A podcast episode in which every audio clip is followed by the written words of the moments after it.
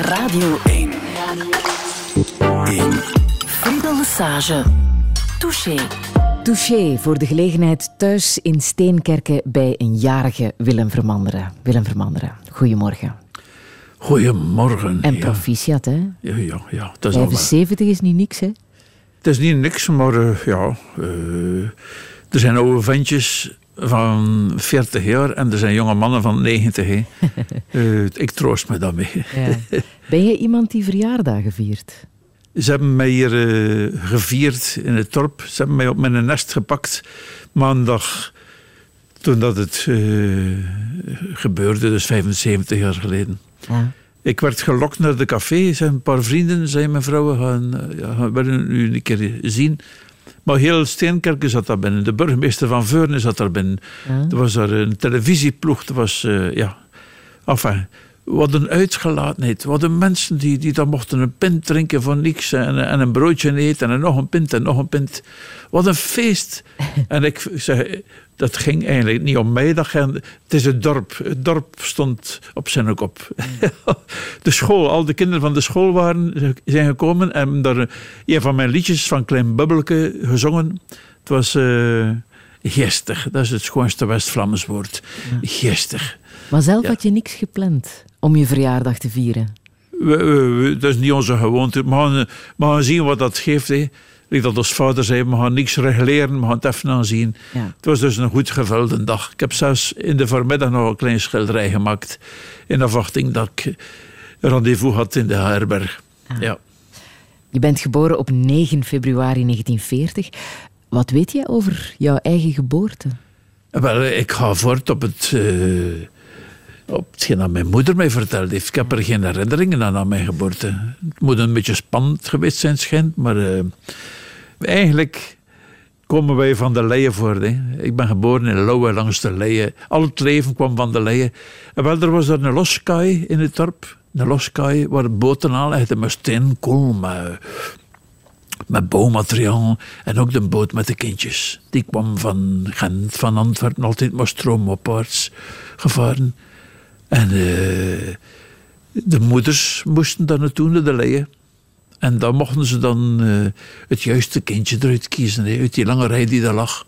En om, om vader thuis een plezier te doen, haalden ze er eentje uit dat een beetje op vader geleek. Versta je? Ja. Dat is het waarachtige verhaal van mijn geboorte. En dat jij je leven ook te danken hebt aan een moord. Ja, dat is een lang verhaal hoor. Eh, in Lauwe was er een wagenmaker.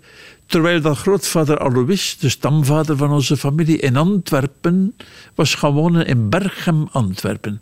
Waar hij in een koetsenfabriek meestergast geworden was. Maar grootmoeder was van Kortrijk en ze konden niet gewend worden in Antwerpen. Dat was een andere taal, dat was een, ander, eh, een andere manier, andere zeden en gebruiken. Eh, dat was veel verder dan Marokko, van Kortrijk naar Antwerpen. Ze kwijnde weg van heimwee naar haar geboortestreek. Ja, grootvader Alois heeft eh, gezocht om in de streek van Kortrijk iets te vinden. En op dat moment is er daar eh, een stom accident geweest. eh. de Mijnenstraat, waar de wagenmakkerij gelegen was, splitst zich op het einde naar Rekkem en naar Mijnen. En in die splitsing naar Rekkem toe was er een klein huisje waar een vent bij een vrouw zat die zijn vrouw niet was. Versta je? In die tijd, men verdroeg dat niet. Ze gingen gaan scharminkelen s'avonds. Al het gespuis, al de jonge gasten op potten en pannen gaan slaan onder het raam van die mensen die daar in zonde samenleefden, samenhokten. En dat was een cholerieke vent. Die snakt dat venster op. Ik ga je de dood schieten. Wow, wow, wow. Ze lachen ermee. En eh, de, de avond erop weer hetzelfde. Nog een avond erop weer hetzelfde. En die man had inderdaad een jachtgeweer. En op een avond was hij moe geterfd. En boven de hoofden van die meute schiet hij vlak eh, in het hoofd van de wagenmaker die ik was komen kijken. Zijn vrouw had nog gezegd, hij blijft hier, laat ze doen, die onnozelaars. Kan ik gaan kijken. Met zijn pijpje in zijn mond eh, steekt hij zijn kop uit en die krijgt dus die kogel vlak op zijn hoofd. De grootvader Alois is in Lauwe gearriveerd door dat accident. En heeft mijn vader, is mijn vader in Lauwe geboren. Heeft hij dus daar eh, 25 jaar later mijn moeder ontmoet. ik heb dus mijn leven te danken aan, uh, aan de moord. en ondertussen ben je hier al 75 jaar op deze ja, aardbol. Hoe zou jij jezelf omschrijven? Mezelf omschrijven? Ja, een chakelaar gelijk iedereen, met af en toe een helder moment. Dat is dan een liedje, dat is dan een tekening, dat is dan een uh, schilderij. Hoofdzak is, of zeer belangrijk is, dat je die heldere momenten zo lang mogelijk trekt. Hè? Ja. En ze zo snel mogelijk op elkaar laat volgen. Hè? Zodanig dat uw leven een en al helderheid wordt. Maar dat is een beetje ambitieus. Ik, uh, ik verlies soms veel tijd met naar die stomme voetbal te kijken, wat ik zo verzot op ben, vooral het Engelse voetbal. Ja. ja, als Manchester United dan scoort en wint, ben dan diep ongelukkig als ze verliezen. En ze hebben dat nogal wat gedaan de voorbije paar jaar. Uh, dat primitieve genoegen. Een beetje de tijd stilzetten. Ja. ja. Willem Vermanderen, we gaan de volgende twee uur de regel van Goethe overtreden. Schepkunstenaar praat niet. Kunstler reden niet, schaffen. ja, natuurlijk. Maar we gaan toch een beetje praten. Uh, ja, ja. Willem Vermanderen, welkom in Touché. Ja. Radio 1. Radio 1. Friedel Lesage. Touché.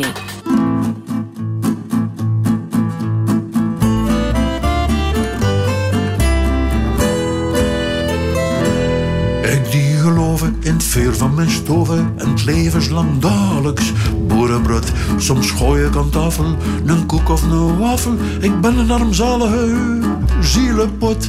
Ja, ik vertrouw er ook het mischouwen, maar ook met een kelder vol wijn en vol bier. Af en toe een pater, veel beter dan water. Laat me dat simpel dronken plezier. Laat me dat simpel dronken plezier. Dagen dat ik dromen, dat ik dampen, dat ik stomen, dat ik vroetel in mijn bedden, dat ik zwem in mijn bad, dat ik nachten niet slapen, dat ik bangelijk wakker door mijn eigen schuld.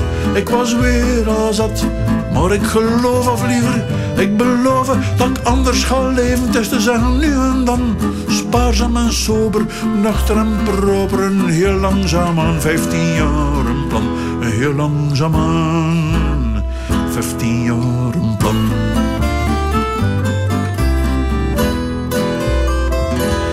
Dat ik zingen, dat ik dansen, dat ik springen, dat ik eindloos genieten van ieder moment. Dat ik zot fantaseren, dat ik smot en dat smeren, dat ik zorgeloos huppel van contentement. Er zijn dagen dat ik treuren, dat ik zagen, dat zeuren, dagen op voorhand verkloot en verknald. Dagen dat ik klaar, dat ik zucht en dat ik omdat heel de hemel op mijn neren valt. Omdat heel de hemel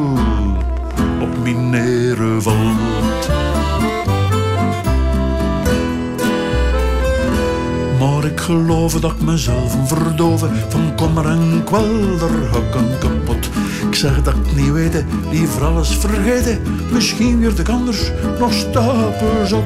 Laat mij maar zoeken in mijn brieven en mijn boeken. De denkers en doenders naar de dichters vooral. En tokkelakkoorden en speuren al woorden. De, de de zielen van heel het heelal.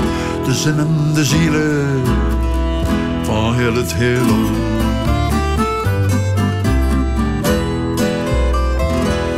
Ik toch een sukkel, een prutser, een bukkel, een pretentieuze onverde zat. Die al de secreten wel kennen en weten van hemel en van helle, van duvel en van God. Och, geuren mijn stoven in mijn donkere alkoven, mijn huza, mijn erf, mijn bucht en mijn brol.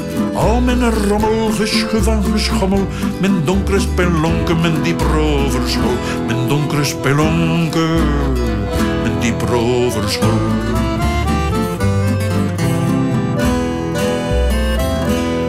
Voor de rest doe ik plechtig mijn best en ik zorg dat het rijmt. Ik zing het hier en nu, de tederste woorden, de warmste akkoorden. Ik zal dag en nacht zingen, ik zal zingen voor u, voor u mijn geliefde die ik soms zo griefde. Ik arme zwerver gejaagd door de wind, hoor dat ik zweren, ik kom altijd weer. Soms ben ik nog zo'n onnozel kind, soms ben ik nog zo'n onnozel kind. Daarom dat ik zingen, dat ik dansen, dat ik springen, dat ik eindeloos genieten van ieder moment. Het gebeurt ik soms treuren, soms zagen, soms zeuren, maar op het einde van het lied ben ik altijd content. Het is daarom dat ik zingen, dat ik dansen, dat ik springen, dat ik eindeloos genieten van ieder moment. Het gebeurt ik soms treuren, soms zagen, soms zeuren, maar op het einde van het lied ben ik altijd content. Op het einde van het lied ben ik altijd content. Willem Vermanderen, De Zwerver, komt uit je nieuwe cd, hè? De Overkant. Zo kunnen we jou ook omschrijven, denk ik, hè? als een zwerver. Want ik ja, lees in jouw eh, brievenboek dat je toch zeer graag naar de steden trekt. Brussel, Ah, ja. Keulen, Berlijn, Parijs. Barcelona. Je hebt Oh, dat is wel een beetje, wel een beetje eh, over. Ja? Ja, eh, zodanig eh, verslaafd aan mijn werk. Ik kan niet meer weg van huis. Ik moet kunnen werken. Ik moet iets gedaan hebben tegen het avond is. Als beeldhouwer een hele kruiwagen bricalion gemaakt, hè, afval. Eh, ik ben nu aan het schilderen, dat wel. Het is winter en het licht is aan het terugkeren. Ik ga al echt weer aan de, klap, aan, aan de slag. Maar dat zwerven, met dat zingen moet ik misschien genoeg kilometers vreten en in de file gaan zitten. En ook die, eh, intussen weet je het wel, hè, in welk museum dat je moest zijn, in welke boekhandel dat je moest zijn. eh, ja, Was het een vergissing om in Steenkerken te komen wonen? absoluut niet. Integendeel, nee, nee, dat is, eh, dat is een enorme zet geweest. Weg van, van alles. De zanger moest natuurlijk in, minstens in Gent gewoond hebben. Dat zou centraal geweest zijn. Hè? Maar het is altijd weer terugkeer naar de woestijn. Hè? Na elk concert terugkeer naar huis, naar de woestijn. Ja, naar, eh, naar het niks. Naar eh, het godvergeten dorp Steenkerken. Ja, ja, Je woont hier in een huis dat hier al eh, 150 jaar staat. Hè? ja, ja. Hoe ben je hier terechtgekomen? Eh, we woonden in Lampernis en we waren aan het uitkijken voor een groter huis. En ook we hadden twee kindjes en er mocht nog wel eentje bij komen, maar er was geen plaats in dat huisje. En zo zijn we in Steenkerken geraakt en hebben we nog twee telgen op de wereld kunnen zetten. Ja, Ja. En het is een huis dat, eh, dat vol staat. Hè? ja, ja eh, met dingen, met kaders en met schilderijen, beelden en, en muziekinstrumenten en boeken, boeken, boeken. Ja, daar zitten we nu. Hè? In de, is dit de muziekkamer? Ja, meestal, eh, dat is hier de babbelkamer eigenlijk. Ja? Hier op die heilige grond, waar dat de soldaten in 1418 ook gezeten hebben. Hè. Ja. En met hun tatsen, met ijzer beslagen schoenen, tatsen, hè, eh, hebben ze hier geschuifeld en gedanst en gewreven op de grond. Het is een, een hele cirkel die uitgesleten is rond de kachel. Ja. Ja. Maar wat zegt het huis over jou? Ja, dat dat wel genoeg is. Eh, eh, onze Peter zegt, je hebt zeker geen gedacht, vader, moeder, hoe primitief dat je dat woont. En dat is inderdaad zo. Maar het heeft een, een oerkracht. Het heeft iets tijdeloos, iets, eh, iets van vroeger. Het stond gereed om afgebroken te worden. Het heeft tien jaar leeg gestaan. Toen wij hier in 74 kwamen wonen, stond het al tien jaar leeg. Het was helemaal leeggeroofd. Het stond hier niks meer eh, dat, dat enige waarde had. En voilà. Dat en jij dacht, ik ga er nieuw leven in blazen. ja, ja, ja, ja. Ja, dat is gelukt, hè? ja, ja. Ehm, in jouw brievenboek, eh, Volle Dagen, dat nu net uit is, eh, lees ik dat je jezelf eh, als een bastaard ziet. Zoals je hier in dit huis hebt rondgelopen terwijl de kinderen bezig waren, heb je heel vaak ook teruggetrokken. Hè? ja, kinderen op de wereld zetten en er eigenlijk het overlaten aan, aan uw vrouw om, om ze intussen was ik gaan zingen. Ik moest een keer optreden en er waren een paar nonnekes in de zaal. Eh, Ik weet niet meer waar dat juist. En een van die zustertjes kwam ze, oh meneer Vermanderen, dat moet bij u thuis toch wel eh, prachtig zijn. S'avonds, ik zie het zo al, zei ze, zit je bij de haard en ga je al die gitaar uit en je zit met de kinders, met uw kindjes te zingen. Wat is dat toch prachtig. Oh, zuster, zeg ik. Mijn kinderen zeggen, "Pa- vader zwijn ik een beetje, zin ik stil, het is juist zo schoon op televisie. En zo dat romantische beeld. Ja, een van de vier kinderen, Augustijn, is hier ook beland. wat denk jij als je eh, leest wat hij daar zelf over heeft geschreven, dat hij zich hier een bastaard heeft gevoeld in dit huis? Mm, Ja, ik begrijp dat wel. Allee. sinds een tijdje heeft hij er altijd maar meer over, hè, hoe, hoe, dat hij er soms vroeger niet was. Hè. Ja, dat zou wel zoiets zijn dat, uh, dat je je vragen bij stelt, maar ondertussen, ondertussen leef je. Dus het gaat door, denk ik dan. Ehm. In een van de brieven schrijft hij ook... Allicht zat het in de genen dat ik geen talent had voor vaderschap. Ja, waarschijnlijk wel. Hè. Genen, uh, ik heb dat ook wel het gevoel dat, dat, dat we daar wel heel erg door uh, gedetermineerd zijn eigenlijk. Uh, in die zin heb ik misschien zelf meer talent als vader, omdat ik misschien wat meer genen van mijn moeder heb herfd of zo, denk ik. ja, dat is... Jij schrijft dat, hè, Willem? Ja, maar dat is, dat is zo. Ik, ik herken dat zeer goed. En het wordt erger met de jaren, met ouder te worden zo voor je werk gaan leven. Zo die verschrikkelijke. Ik heb één keer uh, uh, Julian Schoenaerts ermee gebabbeld. Het theater is onze maîtresse die we met al onze krachten moeten dienen, zei hij. Uh, ja, die, die maîtresse duldt geen concurrentie. Dat is, je raakt daarin zonder dat het beseft. Hè. Zonder dat het goed dan wel beseft. En Chris onze huishoudster, onze moeder, onze minnares, onze, die, die houten kaverrecht hier, die houten kachels brandend, die, die, die maakt dat we kunnen eten en drinken en slapen. En, uh, ja, ik maak hier de beelden en de liedjes en al de rest. Dat is Chris. Ah. Ja. Ik ben me dat bewust, ja. Luister, ik kan natuurlijk antwoorden op uw vraag met eh, alleen maar dat liedje. Waar was ik, mijn kinders? Waar was ik naartoe? Zo onnoemelijk veel dagen en nachten. En als ik dan thuis was, zo amper en toe, zat ik vast in mijn diepste gedachten. Enzovoort, ja. Je moet maar uh, het liedje de praat kopen. Hè. Ja. ja. ja. Maar je laat in die brieven natuurlijk ook wel heel veel van jezelf uh, zien. Hè? Je stelt je kwetsbaar op hè? In, ja, ja. in een brief. Ja, kijk, uh, wat, wat, heb ik anders om over te vertellen dan mijn zottigheid en mijn ernst? En, um, Jules de Korte, de grote Nederlandse chansonnier, blinde man, heb ik goed gekend. Meer dan één keer zijn voorprogramma moeten verzorgen, 40, 45 jaar geleden. Het enige wat je moet doen op het podium, zeg aan de mensen wie je bent. En dat is eigenlijk zo. In alle fasen van je leven. Dat er dan nu een andere vent staat eh, dan 30 jaar geleden, dat is toch logisch. Die andere dingen bezinkt. Augustijn, heb jij ooit brieven gekregen van jouw vader? Ehm, niet dat ik weet, nee. uh, nee, nee. Uh, schrijven naar elkaar, nee, dat hebben we nooit gedaan, nee.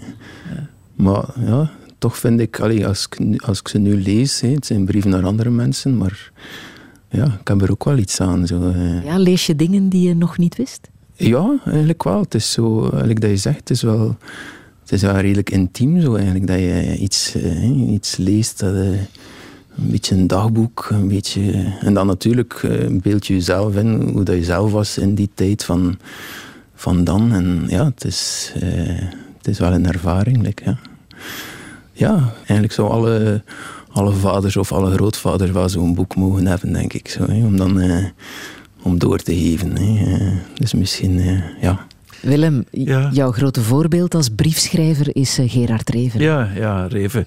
Mijn meeste lectuur is toch biografieën en brievenboeken en uh, die reeks van de arbeiderspers, die ja. getuigenissen, Imre Kertész en zo. mensen die over hun leven vertellen en ben geen romanlezer eigenlijk, maar eerder dergelijke dingen. Ik heb nu een fantastische biografie gelezen van Van Gogh. Ja, je kent, herkent u zelf daarin een beetje. Ook uh, wel een missionaris worden. Hè? En in armoede en soberheid gaan leven. Van Gogh ging er op een plank gaan slapen. En had juist nog droog brood en een tas thee. Als hij daar in Wallonië de, de, met je dominee, hulpdominee ging gaan spelen. Hè, om dan uiteindelijk bij zijn schilderwerk te arriveren en doen wat dat hij moet doen. Je kunt je lot niet ontlopen, je moet uh, talenten ontplooien, zalig worden. Ja, ja. Ik was er dikwijls niet als de kinderen mij nodig hadden. Dat is, dat is een, een stil verdriet, een beetje. Ik besef dat nu zelf als Mozes, kleine, kleine Mozes hier is. Uh, Waar was ik toen mijn eigen kinderen zo klein waren? Verdomme, heb ik dat nooit beseft. Ik heb daar geen antwoord op. Alleen uh, een beetje weemoed die je overvalt. Ja, ik weet het, ik weet het. Oh, nobody knows the trouble I've seen.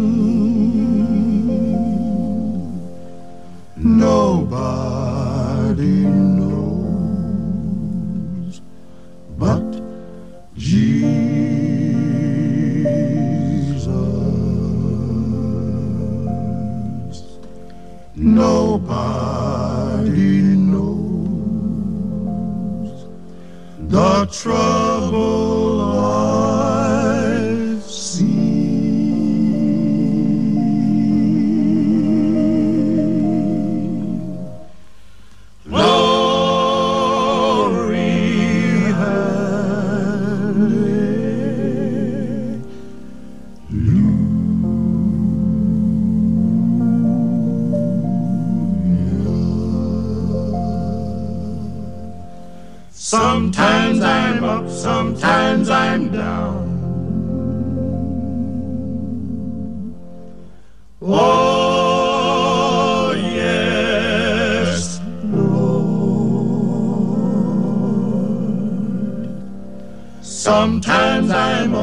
to the ground.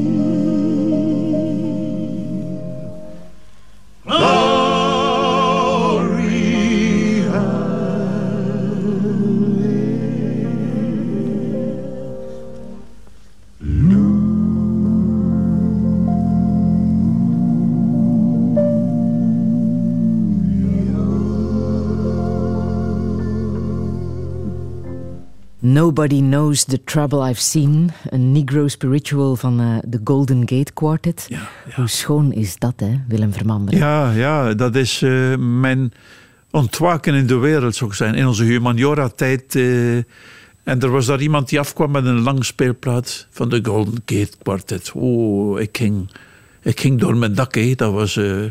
oh, dat blijft voor de rest van je leven ook iets. Eh, Ondertussen om- wordt er hier een eh, Rochefort aangebracht. Ah, ja. Het is, eh, uur.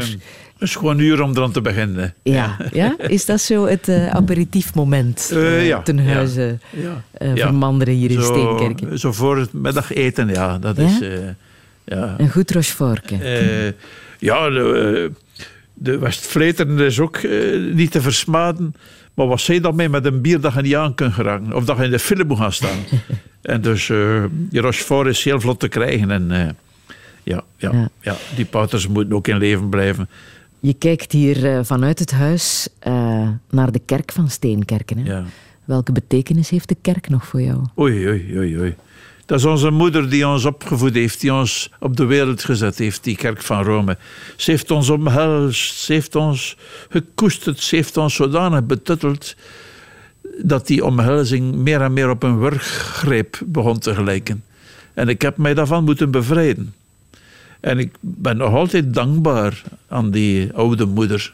Ze heeft mij geholpen om mezelf te worden. Alhoewel, ik heb moeten ingrijpen. Ik heb moeten wegvluchten uit dat klooster. Ik dacht ook dat ik pater moest worden. Like Van Gogh, die dacht dat hij dominee moest worden. Maar op je dertiende al ben je naar de Bij paters de paters in de humaniora in een streng internaat. Ja. En, eh, Het was een dat soort was, complot. Het is te zeggen, ik was altijd de eerste in de lagere school. En uh, iedereen zei, Willem, ze moeten kunnen voortleren. Je weet er zeker niet wat dat kost, zei ons moeder. En zei ons vader, en het is hier al dat werk. De wagenmakerij was daar en de, in verval toen al, de wagenmakerij. Vader heeft dan moeten eh, overschakelen naar schrijnwerk. Mijn twee, drie broers zijn daar ook blijven werken en ik mocht gaan voortleren. Ik werd geronseld, een ronselpater die kwam zoeken naar uh, talentvolle jongens die in sobere kleine middenstandersgezinnetjes woonden. Uh, dat was dus het, uh, het gedroomde broeinest, zou ik zeggen, van roepingen. En ik dacht ook dat ik roeping had, maar ben er op tijd mee opgehouden. Ik ben toch van mijn dertiende tot mijn negentiende in die kloosterschool en dan binnengetreden bij die paters, vier jaar. Uh, het lange zwarte kleed gedragen. En, uh, ja. Toen heeft jouw vader ook tranen gelaten, hè? Ja, dat heb ik maar achteraf geweten. Ja? Uh, mekaar dingen zeggen was niet te gewend. Wat moest je zeggen aan elkaar? Ik kan mij niks herinneren van mijn vader dat hij mij onderricht heeft. Het enige wat hij zei toen ik naar het klooster ging, moet geen eerst soldaat zijn wil die zeggen, bent nog groen, je hebt nog niks beleefd, je hebt nog, het zal u ontnuchteren. En wonder boven wonder, het is ook door mijn legerdienst dat, uh, dat mijn frank gevallen is. Eh, ik was dus bij de gezondheidsdienst, brancardier, geestelijke brancardier. Dat was een kazerne in Alst. Al wie pater of pastoor wilde worden, moest soldaat zijn, brancardier, om de gekwetsten die op het slagveld overbleven op te rapen en weg te brengen. Uh, Zo'n opleiding kregen we. En het was dan een officier. Zeg, vermanderig, hij zei beeldhouwer. Oh, zo weet jij dat? Ja, hij, had dat gehoord van iemand dat ik aan beelden kappen was. En ik zei, ja, het is jammer dat ik ga een jaar verliezen dat ik niet kan werken. Wie zegt dat? Hij heeft mij vrijgesteld van militaire dienst om te kunnen werken. Ik heb daar een fantastische tijd gehad.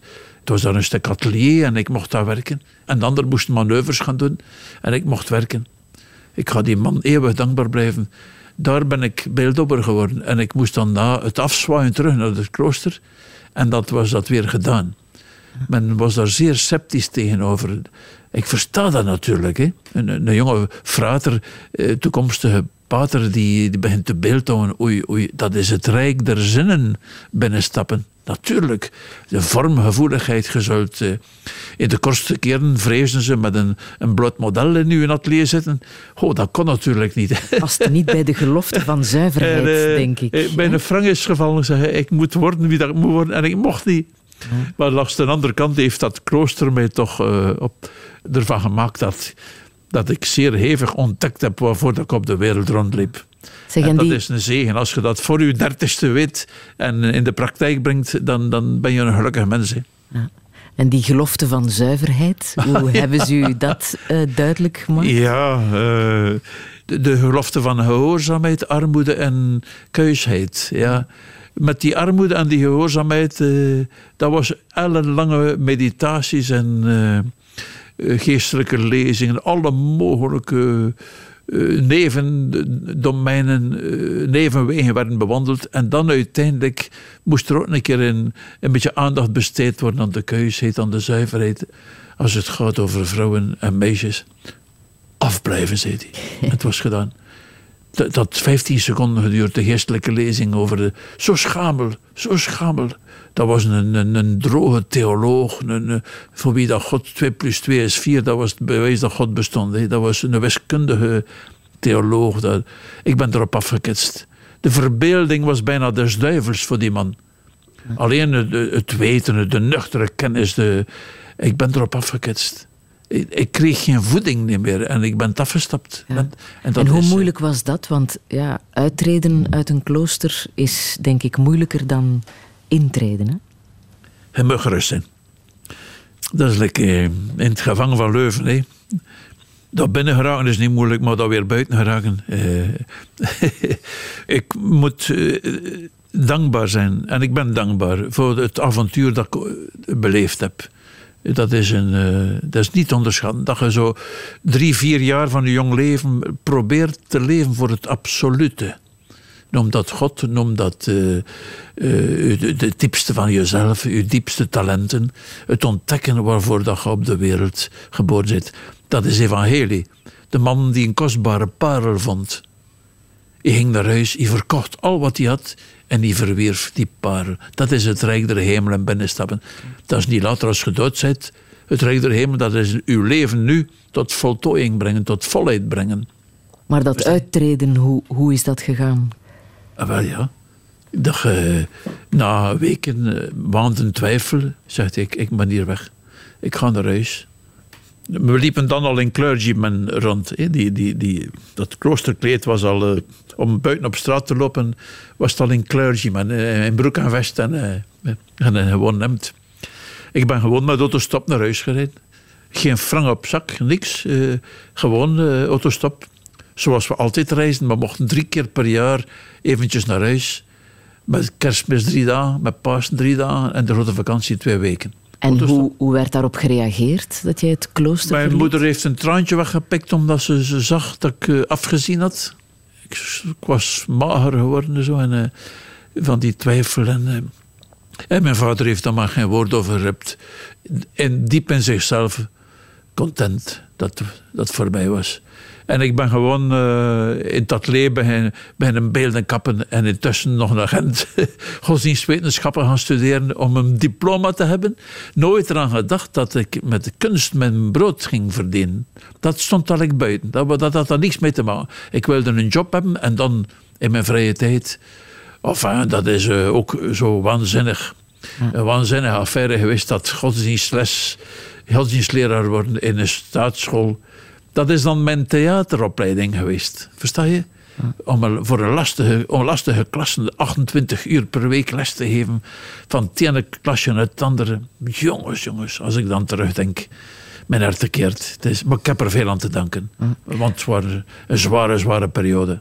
Maar je slaapt nog altijd in kloosters. Hè? Je gaat er zelfs nog oud jaar vieren. Je hebt Ja, zelfs ergens ja. nog de, de sleutel van de Salesianen in Sint-Denijs-Westeren. Ja, maar Daar dat kan mag niet altijd geweten zijn. Dat mag niet geweten zijn. ik heb eh, de- de- mijn toevlucht, eh, mijn asiel gevonden om die... eh, kijk, ik moet nu dinsdag in Brussel, eh, eh, in Koekelberg, moet ik in de basiliek. Daar in een theater in de basiliek moet ik zingen.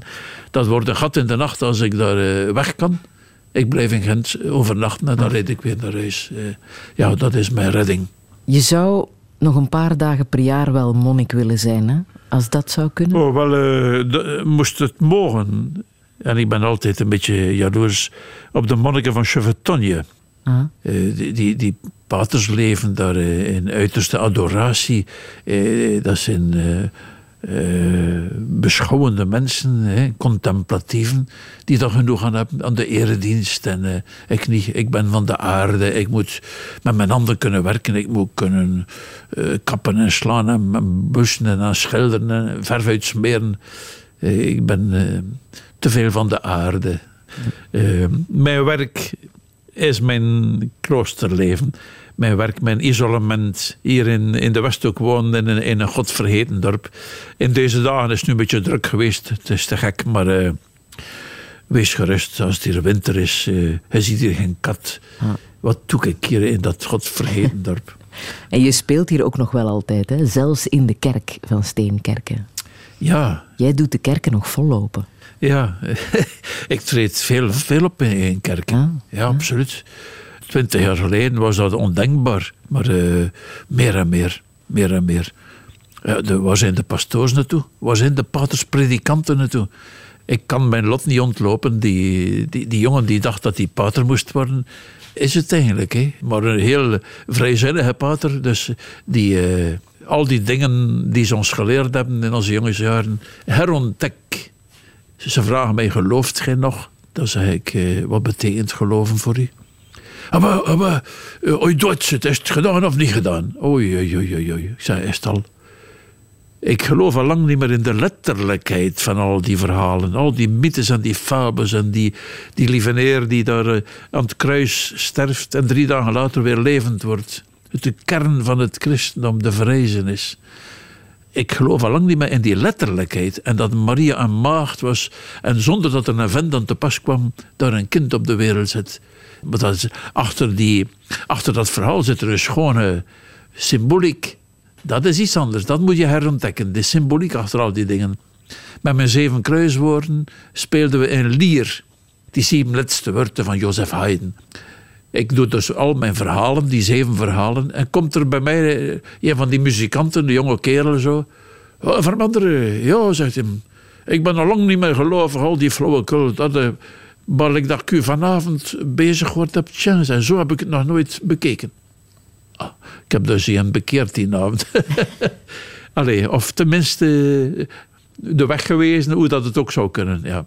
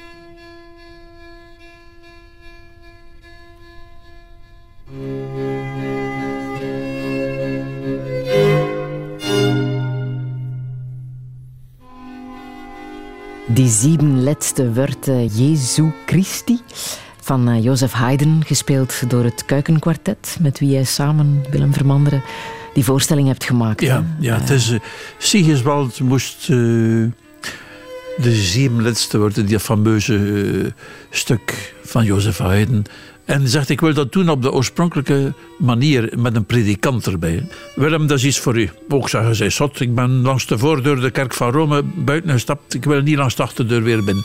En ik ben beginnen schrijven. En het is allemaal losgekomen. Als schrijvende, het is een lawine die loskomt. Als je tenminste niet met voorbedachte raden schrijft. Als je, je mocht geen scenario hebben. Het is yoga, Als ik, schrijf je ergens. Het is, Schrijven is yoga. Ja, ja, zo kunt je het noemen. We gaan wel zien wat er komt, wat er loskomt. De liefde voor klassieke muziek heb je van jouw vader, hè?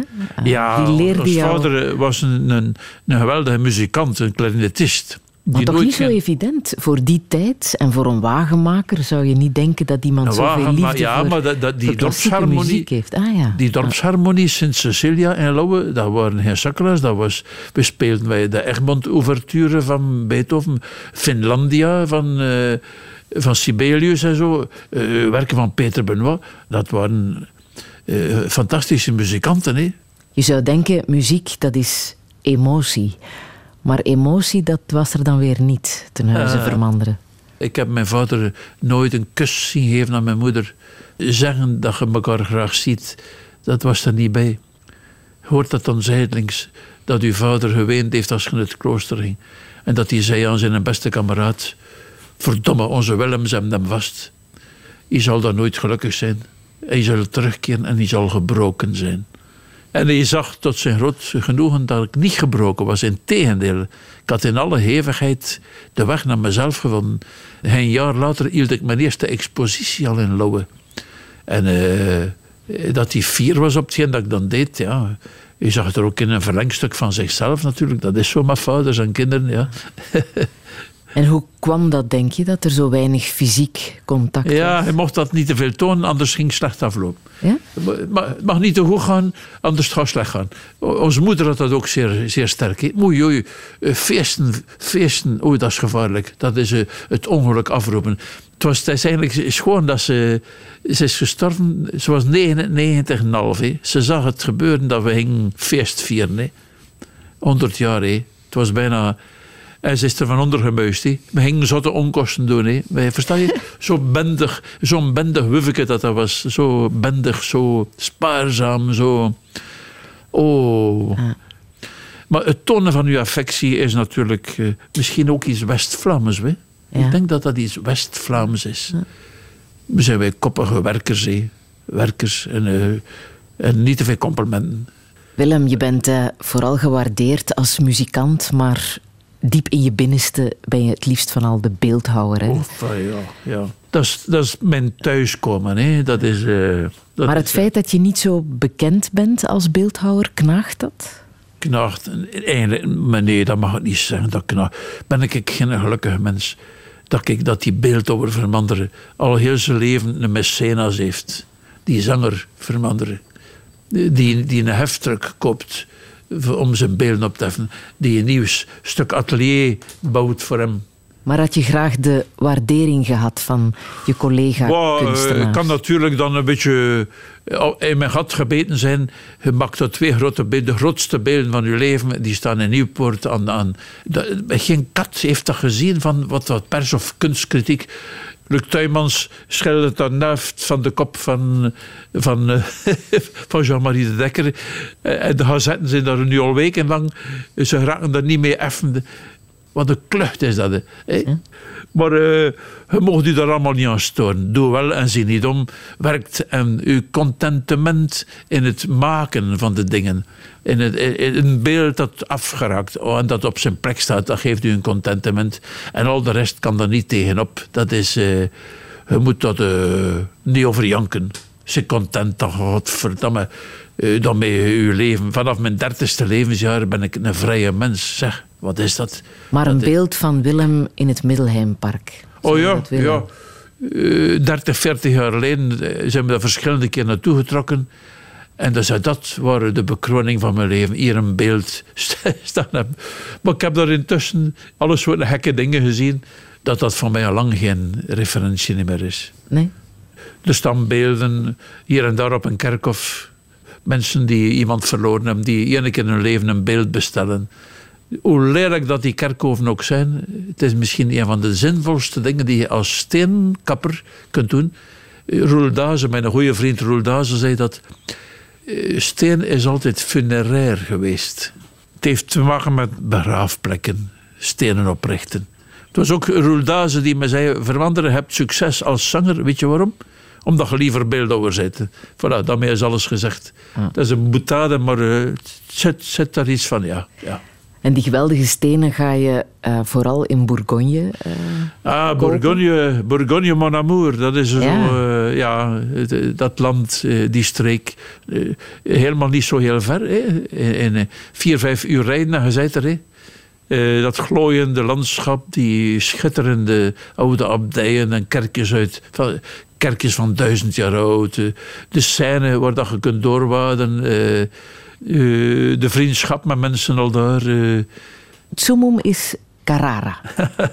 Ja, ja, ik heb nu eh, enkele blokken gekocht. Ben daar geweest. In Toscane is dat, hè? ben er geweest twee jaar geleden met een goede vriend.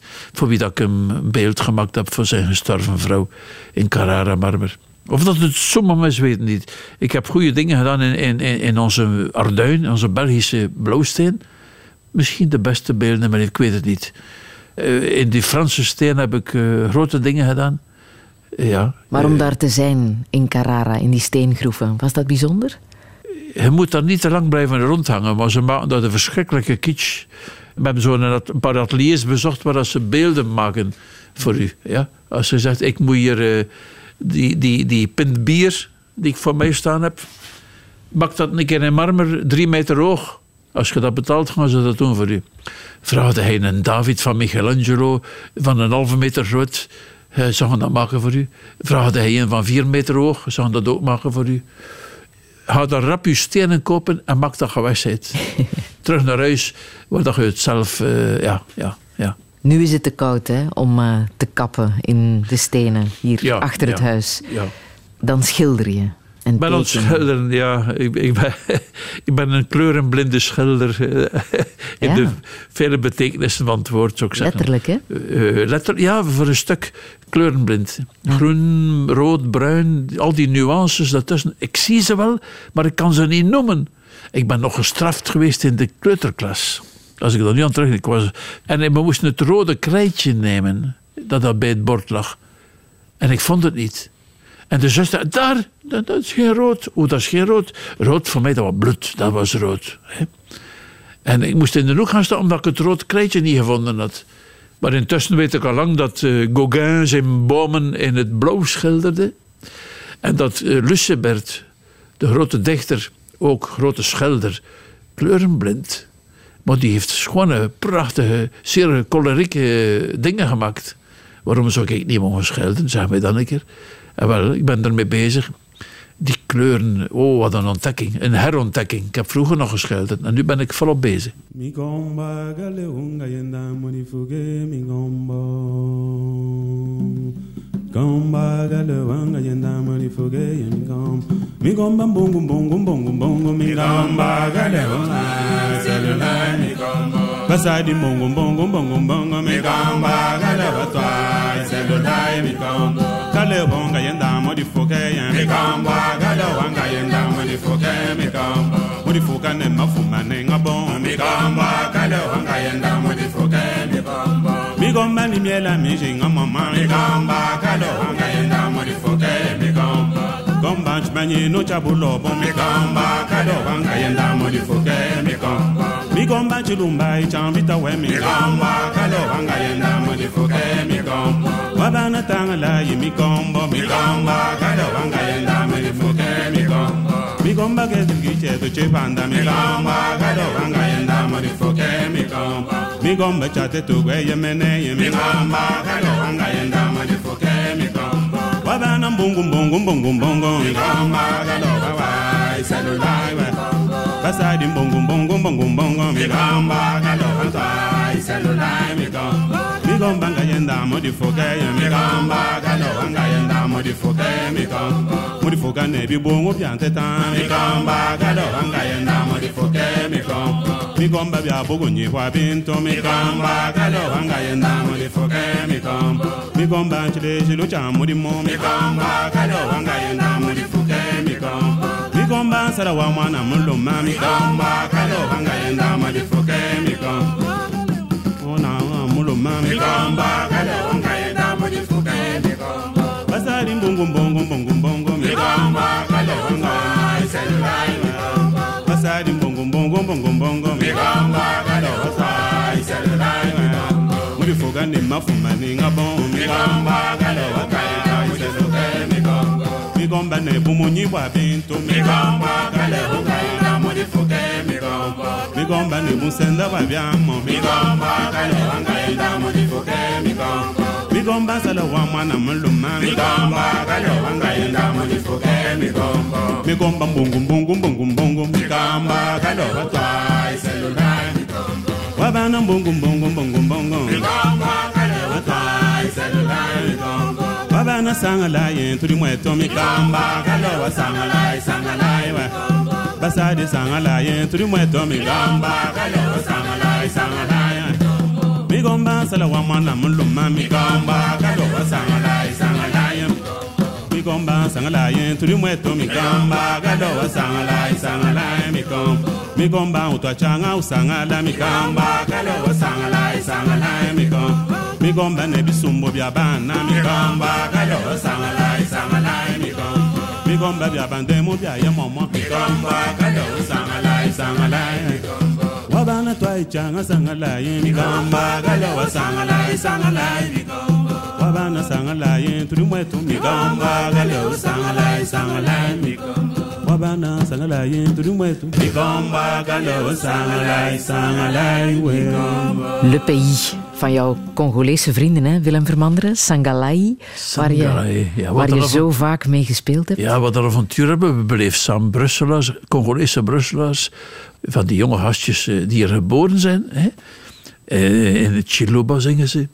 Ze zijn eh, heel schoon gekleed met, met eh, hun bonte weefsels. Zo. En, eh, we hebben elkaar leren kennen in Brussel. Ik weet niet meer juist hoe, hoe dat begonnen is. En een keer in de Ancien Belgique een optreden gedaan samen. En, en we zijn mee op tournee getrokken. Een kerstprogramma. Ik heb hier ondertussen in jouw huis al even naar de boeken zitten kijken. Aha.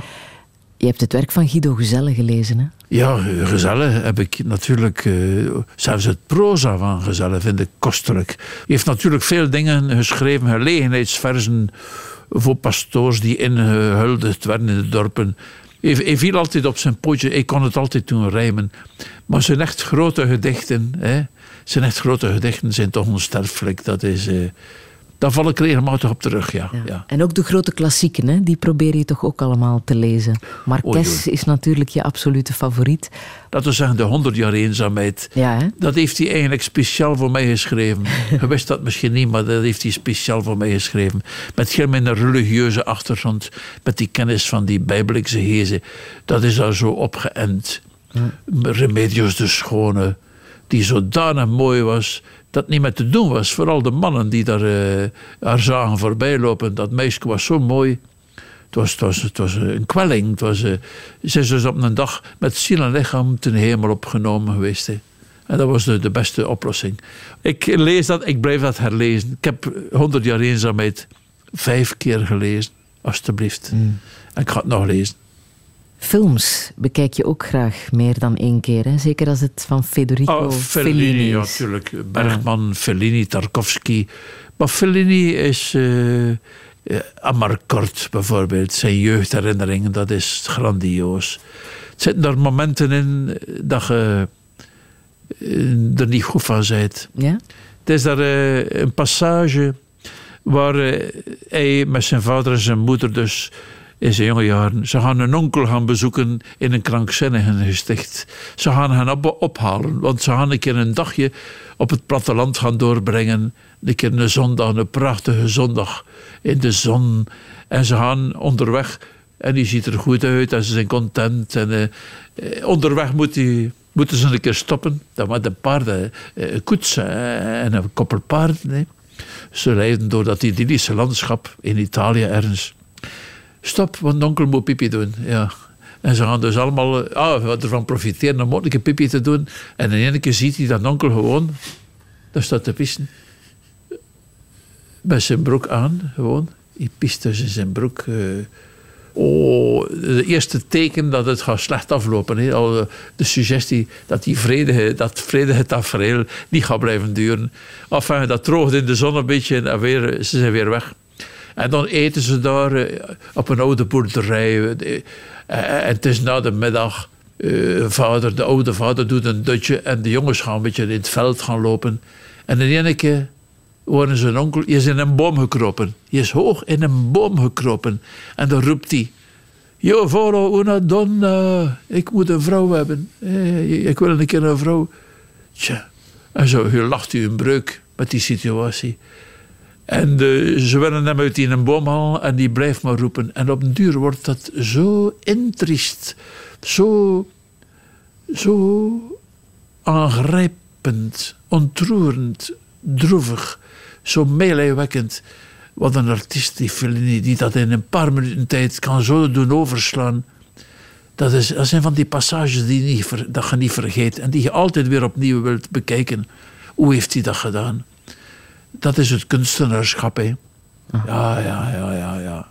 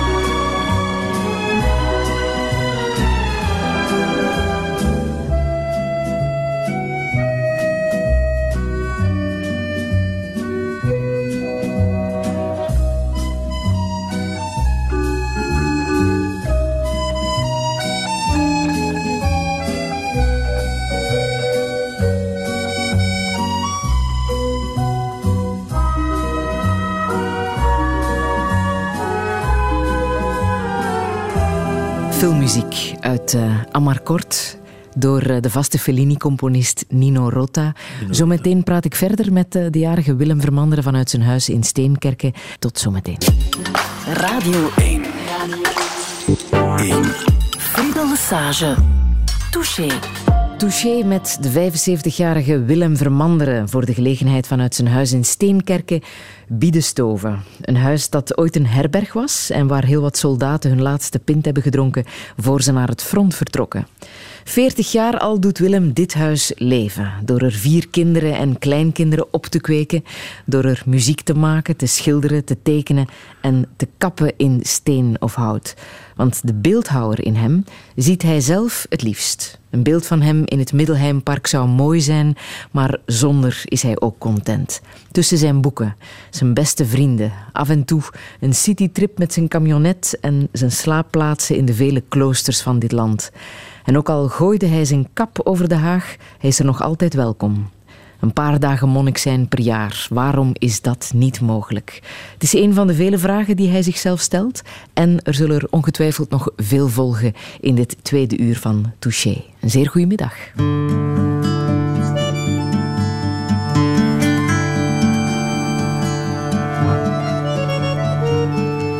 Er liggen hier moslims begraven in ons Westhoeks oorlogsgebied. In de zerken staat iets gebeiteld, maar Arabisch verstaan we hier niet. Arabisch verstaan we hier niet. In de archieven staat het beschreven, doodsoorzaak meestal onbekend. Uit Algerije en uit Marokko, uit Noord-Afrika kwam ons regiment. Uit Noord-Afrika kwam ons regiment.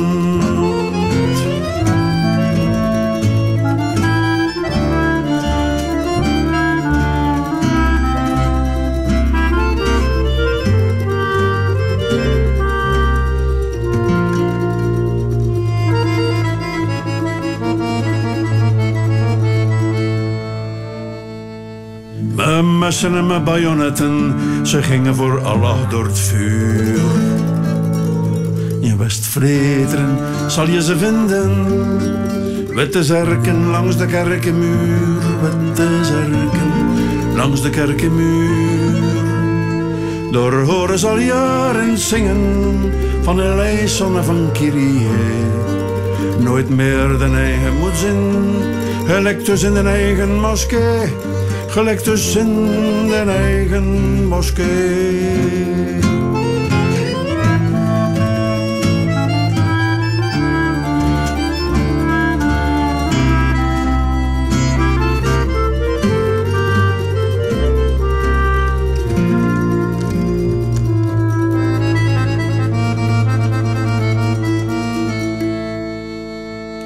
Er liggen hier veel moslims begraven in ons West-Oeks oorlogsgebied. Nu versta ik die Arabische tekens. Lieve jongen, we vergeten u niet. Lieve jongen, we vergeten u niet. En dat Allah u zal komen halen, u verlossen uit de eenzaamheid. Het paradijs zal hij u voeren op zijn vleugels van barmhartigheid. Op zijn vleugels van barmhartigheid.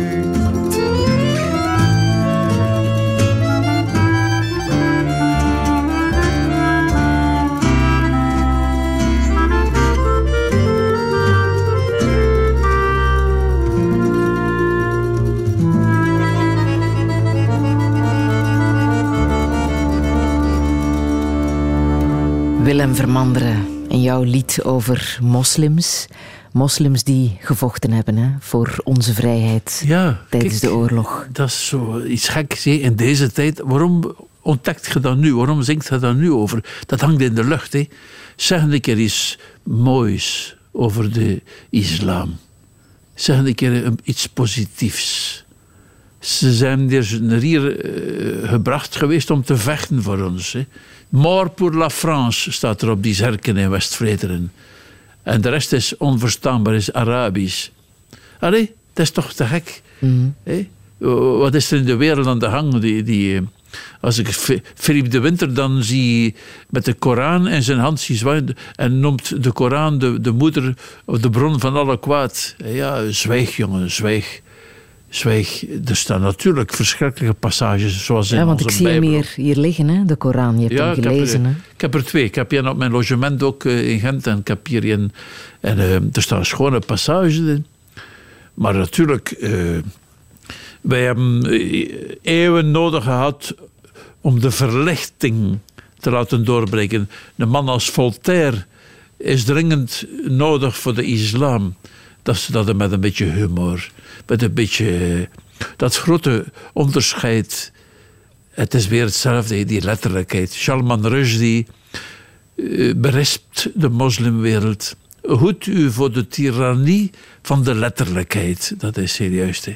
De tirannie van de letterlijkheid.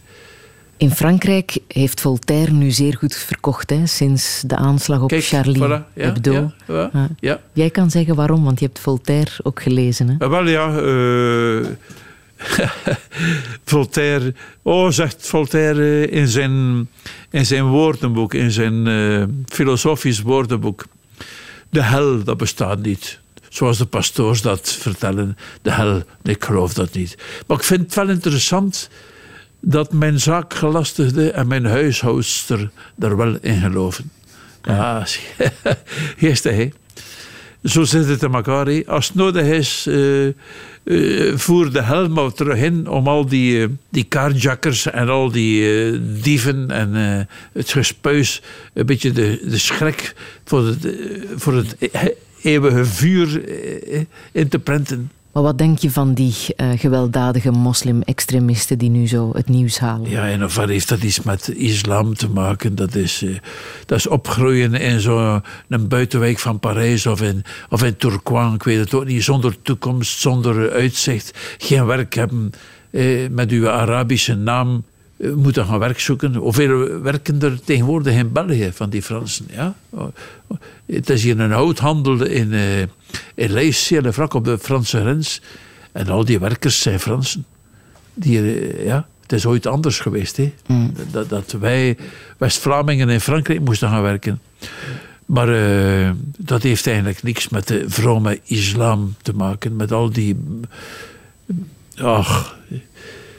Jongens, jongens, jongens. Het is een lange weg. Het is een lange weg. Hans Bonte, die vorige week te gast was in Touché, de burgemeester van Vilvoorde, Ah, ja. die zei: ehm, Er is niks mis met extremisme. Dat is zelfs goed. Het is alleen maar fout als er geweld wordt gebruikt. Ja, ja. Jij hebt in zekere zin ook wel een extreem gedachtengoed meegemaakt hè, toen je in het klooster zat. Ja, maar luister, goh, jongens. Ehm, ik hoorde Pater tijdens de retraite nog zeggen: het allerhoogste wat je kan bereiken is het martelaarschap. Fraters, het martelaarschap. We konden daar ons niks bij voorstellen. Dat zou wel pijn gedaan hebben, zeker. U doodschieten of u met pijlen doorboren of eh, op een brandstapel arriveren. Eh, als ik denk aan de moslimjongeren die van toen af van blazen weten, alleen maar die Koran voor zich hebben. Voltaire mochten wij niet lezen, nee, dat was een goddeloze schurk. Die verlichting, het is 250 jaar geleden, maar 50 jaar geleden was dat bij mij in mijn leven nog niet doorgedrongen. Versta je? Mm. Wat een lange weg. Zing jij nog wel eens op 11 juli? Dat is lang geleden. Ik ben er eh, na die affaire in Brussel, eh, na die affaire in Brussel eh, op de Grote Markt op 11 juli, daar eh, geattaqueerd geweest door een horde onder leiding van het Vlaams Blok toen. Hè, omwille van dat liedje van Bange Blanke Man. Ja, ik had het verkorven. Ik heb nu zelfs eergisteren nog een brief ontvangen van een oude Vlamme hand, denk ik, die dus eh, mij nog een keer op de rooster legt. Naast al die felicitaties. eh, die dus eh, er geen weg mee kan. Hebt, je bent uit de bocht gegaan. Je bent ene keer eh, hebt je compleet mis, misdragen door dat liedje van Bange Blanke Man te zingen, te schrijven. Zielig, zielig. En nu nog altijd Nou ja, kijk, eh, eh, het was weer zo'n brief. En dat, eh, dat is typisch. Als je 10, 20, 30 positieve brieven krijgt, één, ja. wees gerust, die het niet kan verteren. En eh, dat is goed om het evenwicht te bewaren. Ja. En het is ook die brief dat onthoudt, al die loftuitingen vergeet je. Nu, heel die affaire heeft wel voor eh, behoorlijk wat commotie gezorgd. Tot in de Senaat toen in 1992. Dat wil ik nog eh, eens even laten horen. Origineel protest van de SP in de Senaat, waar aan het einde van de tussenkomst van Vlaams blokker Wim Verrijken de bange blanke man van Willem Vermanderen door de zaal galmde.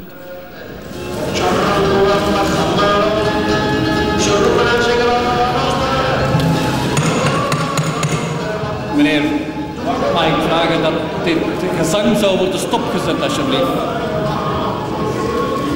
Eh, ter verduidelijking, het reglement laat alleen toe dat senatoren of leden van de regering het woord voeren. Ik kan dus geen uitzondering maken voor een zo sympathiek man als meneer Vermander ook niet. verontschuldig me bij de voorzitter van de Senaat ervoor. Maar wij hebben inderdaad hier even een eerbetoon aan Willem Vermanderen willen doen.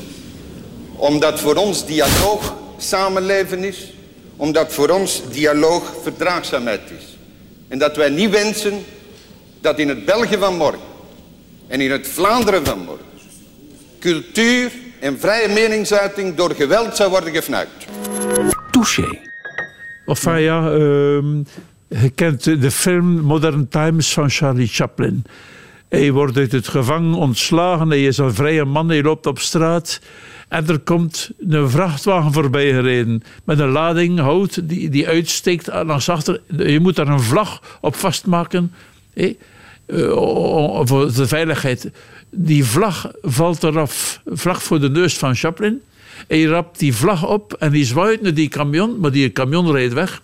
Hij blijft maar zwaaien en intussen komt er uit een zijstraat een hele horde betogers aangestapt. En in één keer loopt Chaplin dus op kop van die horde betogers met die vlag te zwaaien. Hij is dus de leidman. De, politie grijpt in en die vliegt dus onmiddellijk. De eerste die ze vastgrijpen is, is, Chaplin. Hij vliegt weer het cachot binnen. Dus ehm, tegen wel en dank was hij dus de voorman geworden. Ik voelde mij ook een beetje zo. In één keer was ik eh, het levende geweten van, van Vlaanderen, van, van links Vlaanderen. De, de, de man die dus... eh allee, versta je? Ja. Maar je hebt wel de macht van het lied toen Tuurlijk, ontdekt. ja, hè? dat is natuurlijk iets dat je zelf niet goed beseft. Eh, Dat, dat lied is zeer energiek van tempo, eh, die gitaren kletteren, dat refrein, instrumentaal. Het is een vriendelijk lied voor al die vreemde culturen o- onder ons. En dan nog met die ontknoping. Al de kinders van moeder Erde op Charango en Gamelan. Ze roepen en zingen aan ons deuren. Doet open, bange blanke man. Natuurlijk, dat was eh, eh, recht in het hart van al die eh, uiterst rechtse mensen in Vlaanderen.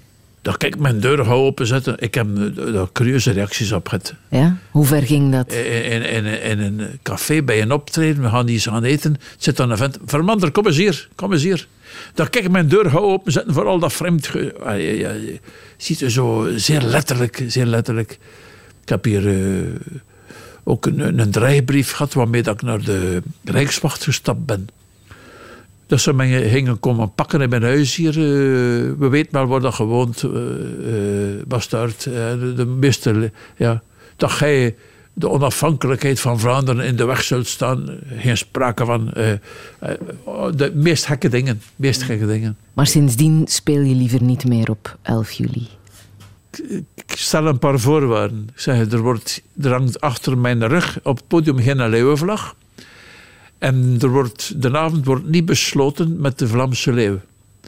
Eh, en ik moet ook geen, geen redenaar hebben die daar komt eh spitsen van de wal. Eh, en de Vlamingen 60% en 40%. En de financiën die moeten aangepast worden. Kijk, eh, stop er een keer mee. Stop er een keer mee. Volg je het politiek gekrakeel nog? Oh, met mondjesmaat, hé. Met mondjesmaat. eh. De grote dingen die aan het gebeuren zijn in de wereld, die houden wij maar vast. De migratie, een van de grote problemen. Als Salman Rushdie, nog een keer Salman Rushdie, zegt dat eh, de migrant het metafoor is voor de moderne mens. Wie woont er nog in het huis waar hij geboren is? Wie verdient er nog zijn boterham, like zijn vader en moeder? Wie spreekt er nog de taal van zijn ouders? Wie is er getrouwd met een meisje van in de buurt? Eh, die God van onze kinderjaren, is die nog dezelfde? We zijn allemaal migranten. Eh, vertrokken, weggegaan uit het land genaamd vroeger. Het vroeger land.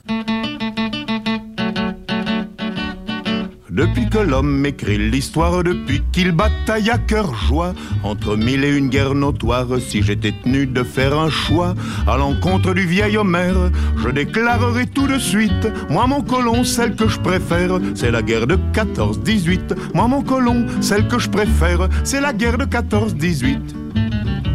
Est-ce à dire que je méprise les nobles guerres de jadis, que je me soucie comme d'une cerise de celle de 70 Au contraire, je la révère et lui donne un satisfait Mais mon colon, celle que je préfère, c'est la guerre de 14-18. Mais mon colon, celle que je préfère, c'est la guerre de 14-18. Je sais que les guerriers de Sparte plantaient pas leurs épées dans l'eau, que les grognards de Bonaparte tiraient pas leur poudre aux moineaux. Leurs faits d'armes sont légendaires, au garde à vous je les félicite. Mais mon colon, celle que je préfère, c'est la guerre de 14-18. Mais mon colon, celle que je préfère, c'est la guerre de 14-18. Bien sûr, celle de l'an 40 ne m'a pas tout à fait déçu. Elle fut longue et massacrante, et je ne crache pas dessus. Mais à mon sens, elle ne vaut guère, guère plus qu'un premier accessite. Moi, mon colon, celle que je préfère, c'est la guerre de 14-18. Moi, mon colon, celle que je préfère, c'est la guerre de 14-18. Mon but n'est pas de chercher noise aux guérillas non fichtre non. Guerre sainte, guerre sournoise, qui n'ose pas dire leur nom. Chacune a quelque chose pour plaire, chacune a son petit mérite. Mais mon colon, celle que je préfère, c'est la guerre de 14-18. Mais mon colon, celle que je préfère, c'est la guerre de 14-18. Du fond de son sac à malice, Mars va sans doute à l'occasion en sortir une un vrai délice qui me fera grosse impression. En attendant, je persévère à dire que ma guerre favorite, celle mon colon que je voudrais faire, c'est la guerre de 14-18. Celle mon colon que je voudrais faire, c'est la guerre de 14-18. Georges Brassens, La Guerre de 14-18, Willem Vermanderen. Je zat al meteen ritmisch mee uh, te tikken natuurlijk. Brassens, de... ons aller vader, ja. zou ik zeggen. Hey, dat is... Uh, het soort met... chansonniers die ze niet meer maken. Hè? Ja, ja, het chanson. Ik vind mezelf ook meer een chansonnier dan een, dan een zanger. Dat is uh, de man die probeert iets te vertellen, iets met, met woorden op rijm. Het staat zo ver af van wat er nu allemaal Jongens, ja, ja, ja. Allemaal over de Grote Oorlog wordt Die verteld? Grote Oorlog, ja. Dat is natuurlijk uh, in mijn repertorium aanzienlijk stuk. Hè. Over mm Duits Kerkhof, over duizend soldaten, over Vladslo, over Ypres. Uh, nu, die moslims. Als er een zanger is in Vlaanderen die over de oorlog van 1418 uh, zingt, dan ben ik het waarschijnlijk wel in alle bescheidenheid. Ja. Uh, je kunt is... niet in de Westhoek wonen en daar niet van zingen. Versta je? Mm. Je kunt daar niet niet van zingen. Dat is misschien raar Nederlands, maar uh, je moet daarvan zingen. Dat kun niet anders. En van alle herdenkingen die er nu uh, zijn rond die Eerste Wereldoorlog, wat, wat denk je daarbij? Ja, dat zou slijten. Dat is een keer nodig, maar dat, dat, we kunnen dat niet blijven volhouden. Hoe lange jaren, eeuwen gaan we nog die kerkhoven blijven onderhouden? Ja. Hier in Steenkerken, hier op 300, 400 meter van waar we hier zitten, Belgisch, Engels militair kerkhof. Dat wordt onderhouden, pikfijn onderhouden. Om de zoveel weken is dan een ploeg mensen om dat gras af te rijden, om, dat te, om die bomen te snoeien, om alles op te ruimen, wat toeristen soms achterlaten. Wie treurt er nu nog om de boerenkrijg, om de tijd van Napoleon, waar onze Vlaamse jongens. Uh, ik heb hier een fantastisch boek gelezen, een, dag, een soort brievenboek van uh, Vlaamse soldaten in de Napoleontische tijd. Jongens, toch. Als ze gekwetst waren, een simpele kwetsuur. Uh, was genoeg om op water en brood gezet te worden. Een gekwetste soldaat, hoe rapper die creveerde, hoe liever dat ze dat. Als ze geen hulp kregen van thuis, creveerden ze van de honger en, en de armoede. En infecties en uh, ja. Uh, er zijn nog geen filmbeelden van, van die Napoleontische tijd. Maar wat dat jongens toen afgezien hebben in Rusland, in, in Portugal, heel Europa rond. Je hebt zelf als kind de Tweede Wereldoorlog tweede, meegemaakt. Ja, ja, Heb je daar concrete herinneringen aan? Ik heb daar zeer scherpe herinneringen aan. Toen ze Kortrijk bombardeerden, heel ons huis daverde. Verschillende nachten dat vader ons rap in de kelder bracht. De matrasje op de patattenbak, in de patattenbak. Bovenop de patatten sliepen we. Mm ja. En moeder zat daar met een van, uh, van met het kleinste broertje dat geboren was in 1943. Ja. De, jongste, de jongste Anton is van het jaar 45. Ja. En jij tekende toen ook al? Ik tekende, ja. Wat, ja, in de kleuterklas, wat tekende op onze, op onze lei. Ja, dat, waren, eh, dat was soldaten met een geweer, die schoten. En, en, en een vliegtuig dat neerviel. En ja, er werd van niks anders geklapt dan van de oorlog. En dat was, ja. Nu heb je ook een atelier achter het kerkhof hier ja. in Steenkerken. Is, is dat niet vreemd om tussen die ja, rustende doden ja, ja. te werken? Mijn atelier, mijn openluchtatelier, waar ik de grote beelden maak, ligt tussen twee kerkhoven in. Dat is, dat is uh, zeer betekenisvol. Hè? Dus uh, ik sta daar uh, stenen te kappen die de eeuwigheid moeten trotseren. Hè? Tussen twee kerkhoven. Ja, ja, het zit daar een symboliek in. Het zit daar... Uh, ja, zo iets, iets bizars is dat. Ik heb uh, zo al mensen leren kennen op dat kerkhof. Het zijn hier al mensen aan de deur geweest, Engelsen. Die, die zochten om een gebed te bidden in de kerk. De kerk was gesloten en ze kwamen vragen of ik de sleutel niet had. Een oud vrouwtje. Ze was vijf jaar oud als haar vader, kapitein Frit, hier gesneuveld is. Ja. En ze, ieder jaar kwamen ze de steenkerken. En nu haar jongste dochter was getrouwd en haar versgebakken husband moest toch ook weten waar die vader begraven lag in Flanders Fields. En uh, een oude man die hier ook uh, op dat kerkhof mij ziet werken daar. Oh, dag Willem, ik kom, ik kom een keer mijn broer bezoeken. Mijn broer, ja, uw broer, die hier begraven ligt. Ieder jaar was hij daar in maand augustus. Hij was 99 geworden. De laatste keer dat ik hem gezien heb. En hij had een kussentje mee, een hoofdkussentje mee. Zei, eh, wat ga je doen? Wat hij, hij zeggen, ik heb een beetje geslapen. Ik heb mijn een dutje gedaan bij mijn broer. We sliepen ook altijd samen als we kind waren. En hij had dus op het graf van zijn broer gelegen op het gras. Met zijn hoofdkussentje mee. Hij had daar zijn middagdutje gedaan. Na al die jaren. Na al die jaren. Nog tranen en nog verdriet. Radio 1. Touché.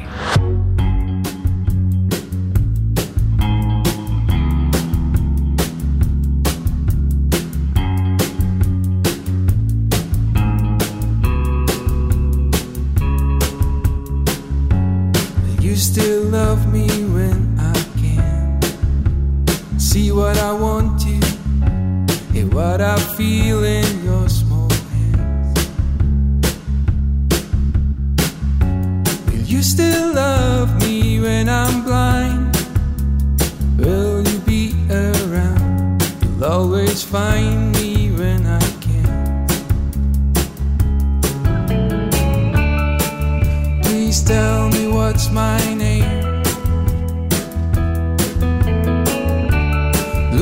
Sight, going insane. But you still love me when I'm down? I can't lift you off the ground.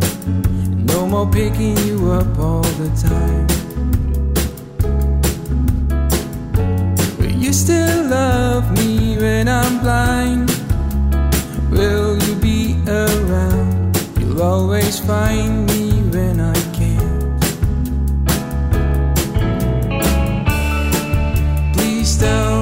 what's my name. Losing sight, going insane. When there's no one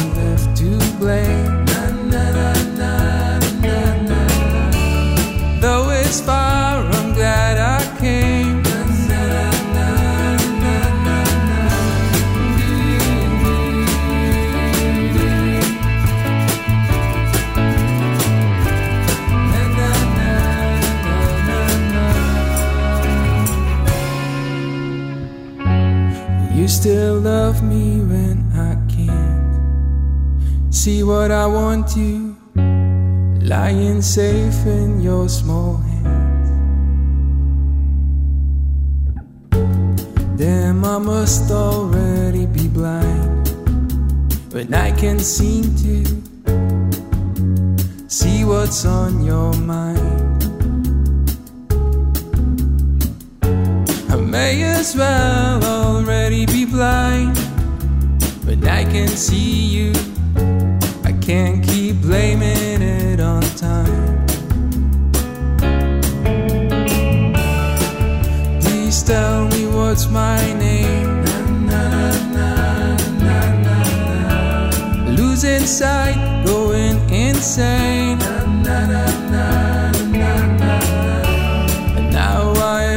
Always take the train. And all my cars were bought in vain. Willemson was dit met eh, Blind. Eh, Willem Vermanderen, had je het herkend? Je had een beetje hulp nodig. Ik zei, hè? wie is dat in een keer? Ja. ik was eh, uit mijn lood. Een beetje wel. Augustijn, jij bent het, hè? Willemson, de zoon van Willem. Waarom heb je jezelf zo genoemd? Wel, ehm, ik heb eigenlijk mezelf zo niet genoemd. Het is eigenlijk mijn, vijfde voornaam is eh, Willemszoon. Allee, op zijn Vlaams dan.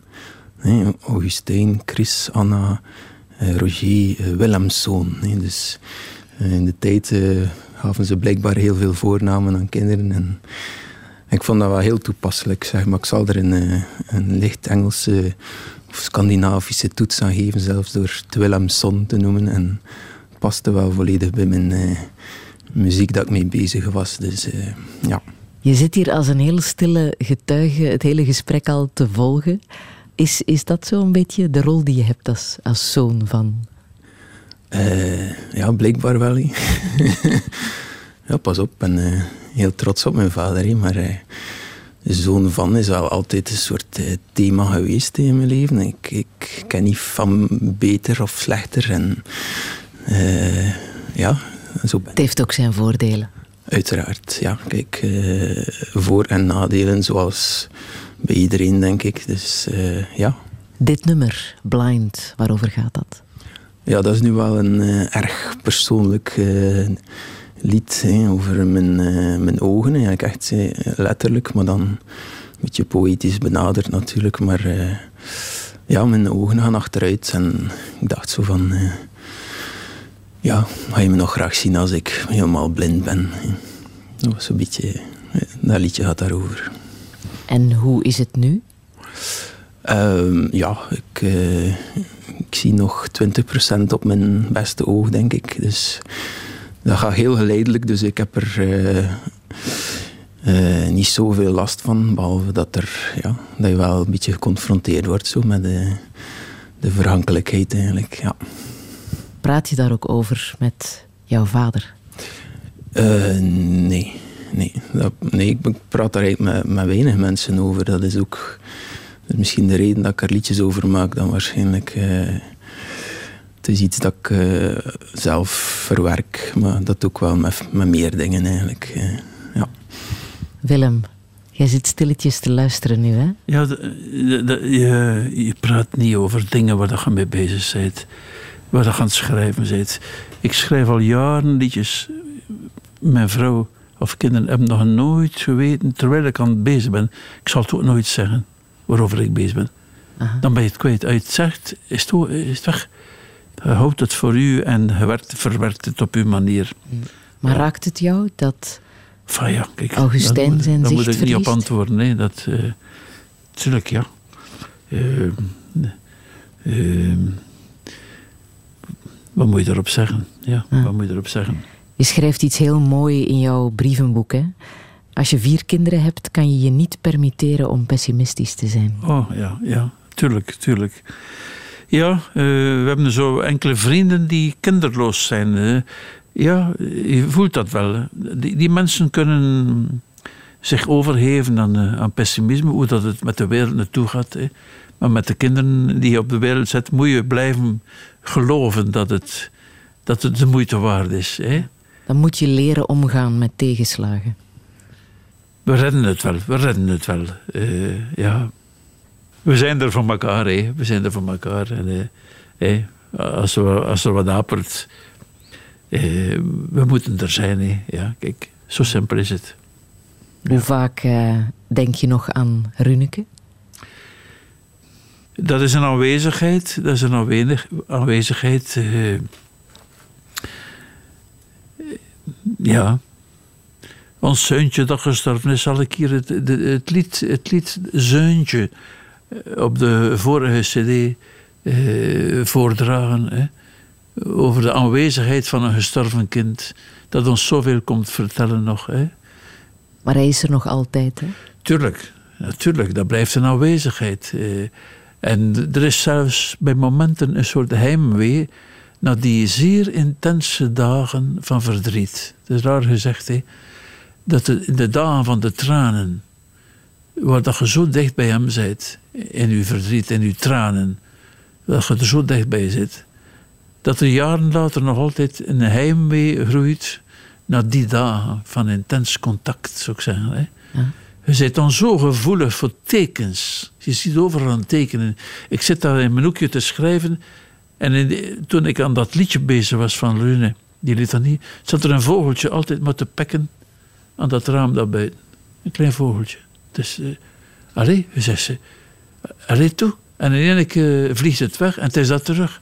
En in één keer vliegt er een pluimke voorbij dat raam. Hoe gevoelig dat je bent voor wonderen, voor mirakels. Allee, het is te zeggen, het krijgt de dimensie van een mirakel bijna. Hè? Dat is wonderlijk. Dat is wonderlijk. En dat houdt je niet vol, die intensiteit. En daarom viert een mens verjaardagen, sterfdagen, geboortedagen. Ze zeggen, kijk, Runeke zou nu 18 geweest zijn, of Runeke zou nu dit, Ru- Rune zou nu dat. Eh, dat blijft, dat blijft, ja. Ja. Maar het is goed om zijn naam te blijven noemen. Hè? Ja, ja, ja, ja. ja. Mm. Ja, Want hij was 13 maanden. Hè? Ja, en eh, je hebt erover geschreven en over gezongen, dus dat is ook eh, een manier om het vast te houden. Hè? Ja. En heeft ook heel veel creativiteit geschonken. Ja, tuurlijk. Als, ik, als we zien hoe dat Els, eh, de moeder van Runeke, in al haar beelden en tekeningen, hij is daar. Mhm. Hij zit op haar schouder, hij, zit, eh, hij loopt, eh, hij vliegt in de lucht, hij zweeft. Hij, ja, ja. Nog altijd. Dat is het mystieke lichaam. Hè. Dat is dus eh, bij sterfgevallen, als je er niet in slaagt om, om dat eh, mystiek om te buigen, om, eh, om daar een mystiek lichaam te, te creëren voor dat, die gestorven geliefde, dan moet je beter worden, dan moet je... eh, dat, is, dat is de opdracht. Je kan twee dingen doen. Hè? Je kan bitter worden, maar je kan ook meer mens Ja, je worden. kan er ook meer mens door worden, ja. Dat, Ja. Is het, hè. dat is het geheim, dat is de opdracht. Dat is de opdracht. Ja. Ja, Je hebt toen ook gemerkt hoe sterk vrouwen zijn. Hè? ja, ja. ja. Eh, eh, op het kerkhof in, in Lampenisse, waar Runeke begraven is, eh, de moeder vooral daar staat te zingen bij het open graf. En, en het kind draagt naar... ja, ja, dat is... dat zijn kosmische momenten, zou ik bijna zeggen. Hè? Ja. Ja.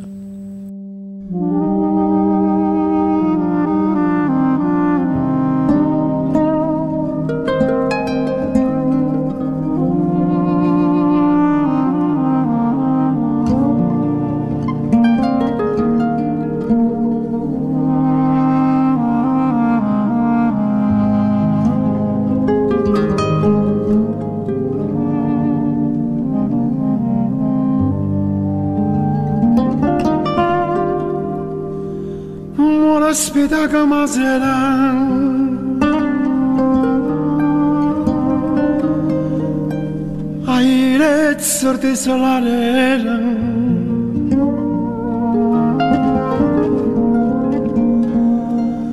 Morásan úshoz kérem Catrezogus lanera Monaspidagam azera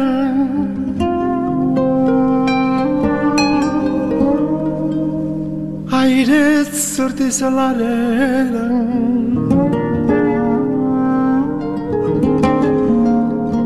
մորաս անուշ խոսքերը կտրեց հոգուս լարերը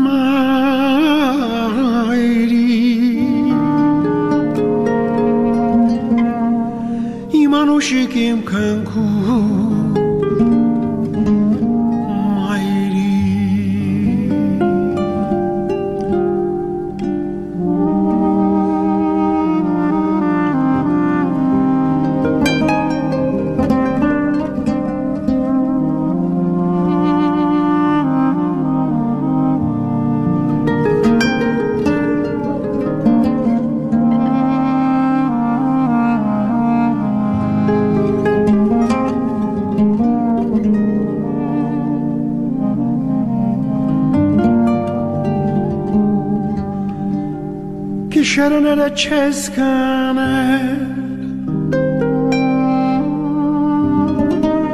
Anuş kuna deskedre Kanir baliges yerge. Bişerelu sezar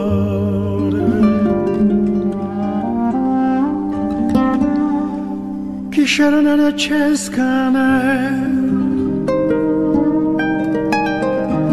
Anuș cună de scădere Kișernele se sare Imanușikim mai.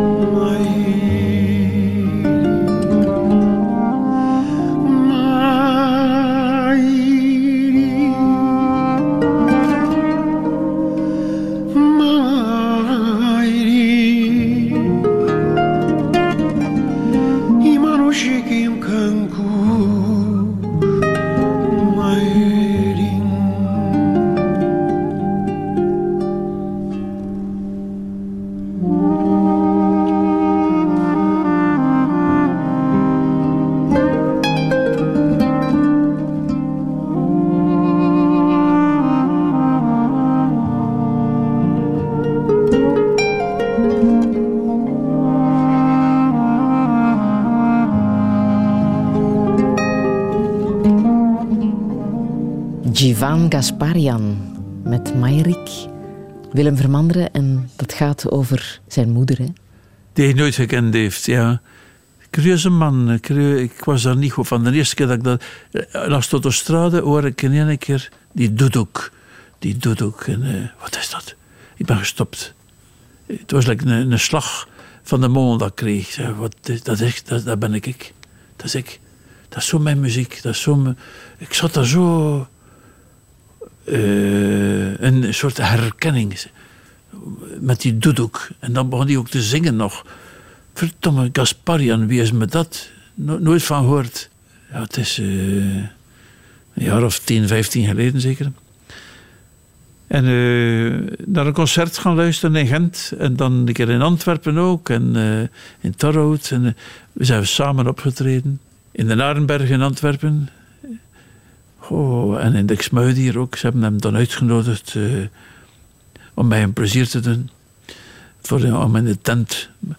Ik was zo doodongelukkig dat er babbelaars achterin zaten. Ik ben daar naartoe gelopen om ze te doen zwijgen, maar het is me niet gelukt. Terwijl dat Gasparian bezig was. Zo mooi, zo fantastisch, ja. ja. Ik heb er eh, mee gebabbeld. Hij spreekt geen Duits. Ik ben een tolk naast hem. En eh, ik zeg, je bent een engel. Je bent een engel. ja. Denk je dat je de genen van jouw moeder hebt? Wat denk je? Ons vader is 84 geworden en moeder is eh 99,5 geworden. Maar eh, ik zal wel een, een heel stuk mee hebben van mijn moeder, van mijn vader ook. Ja, ja dat weet ik wel. De, de, de courage en de nederigheid en de, de werkkracht van onze moeder. Ons vader was een dromer, was een goede stilman, dat niet. Een muzikant, maar eh, ja. Verju, dat was haar goede raad. hè? Verdu, zei ze. Verju. Verdu, eh, Verdu. Doe je best. We doet uw best. Eh, ze zei dat iedere keer als ik naar de autobus ging om naar school, het internaat te vertrekken van twee maanden. Allee jong, Verdu. Ja, moeder. Ze lag op sterven. Ze lag op sterven. En het laatste wat ik haar gezegd heb, moeder. Ja, ja, ja. Moeder, Verdu. Ja, kom mee weren, zei ze. Ja, en zo is ze gestorven. Allee, eh, dat zijn zo van die eh, rare dingen, nee. Ja. Waaraan voel jij dat je ouder wordt? Eh, Ja, dat mijn kleinkinderen opgroeien. Ja. Onze oudste kleinzoon eh, zit in zijn laatste jaar humaniora, dus heeft al zijn rijbewijs eh, theoretisch ge- geslaagd. Godverdamme. Dat worden grote, dat worden grote jongens. En, eh, en natuurlijk, je springt niet meer over tafel. En, je zegt graag s'avonds op tijd thuis. Voor een zanger is dat niet zo praktisch, maar in kleine dingen voelt je dat natuurlijk. Je moet dat niet in liegen. hè. Eh, die leeftijd is daar. Maar eh, ja, je moet dat ombuigen, creatief blijven, eh, al dat geweld. Al die kaartjes en briefjes die ik gekregen heb nu, heel die lawine van eh, complimenten, dat is allemaal hetzelfde. Nog, nog vele jaren, nog veel gezonde jaren en veel creativiteit. Allemaal, het is het hoogfeest van de clichés, zou ik zeggen. hè, Zoiets, hè. Ja. Zijn Een paar eh, geschreven brieven eh, die toch wel een beetje origineler zijn, maar enfin. Wat zou je echt nog willen? Heb ik niks te willen, hè. Nee? Ik heb ik niks te willen. We gaan het even aanzien, zei ons vader. We gaan niks regleren, we gaan het even aanzien. Dat is ook zo oer-West-Vlaams. hè. We gaan het even aanzien. We gaan eh, creatief zijn en eh, je moet dan maar eh, die pees die afknapt in mijn linkerarm bijna een jaar geleden. Hè, voilà, daar sta je. Je moet je dus aanpassen. Als ik met mijn rechterpoot nu ook nog een toer tegenkom, moet ik met mijn mond gaan schilderen. Hè. Er is aan mijn tong nog niks eh, ergs gebeurd. Ik kan hier nog altijd klappen. En, eh, maar eh, Hoe zou jij herinnerd willen worden? oei, oei, oei, oei, oei, oei. Dat is toch allemaal mijn probleem niet, zulke dingen. En doodgaan en sterven en oud worden, dat is, dat is meer het probleem van de mensen die met u samenleven, die, die, die de lasten moeten dragen. En dat doodgaan, hoe, hoe dat je ze achterlaat, ga je geen te grote chaos achterlaten in uw boekhouding en in al uw paparassen en in, in uw berg instrumenten en in heel die... Ga, ga ik mijn, mijn kinderen dan niet mee eh, kopzorgen bezorgen? Ja. Eh, laat de doden de doden begraven, zei de man van Nazareth. En dat is een goed antwoord erop. Welke boodschap zou jij nog willen meegeven? Ken jezelf en ontdek de kostbare parel in je leven. Ieder mens moet de kostbare parel ontdekken. Ontdekken waarvoor dat hij geboren is. En dan naar huis gaan, alles verkopen, u onthecht opstellen. En voor hetgeen dat je wilt doen, de ballast overboord gooien. Ik ga het zo zeggen. Hè? Want, pas op, het is voor een kameel gemakkelijker om door het oog van een naald te kruipen dan er voor een rijke mens het rijk der hemelen binnen te gaan. Versta je?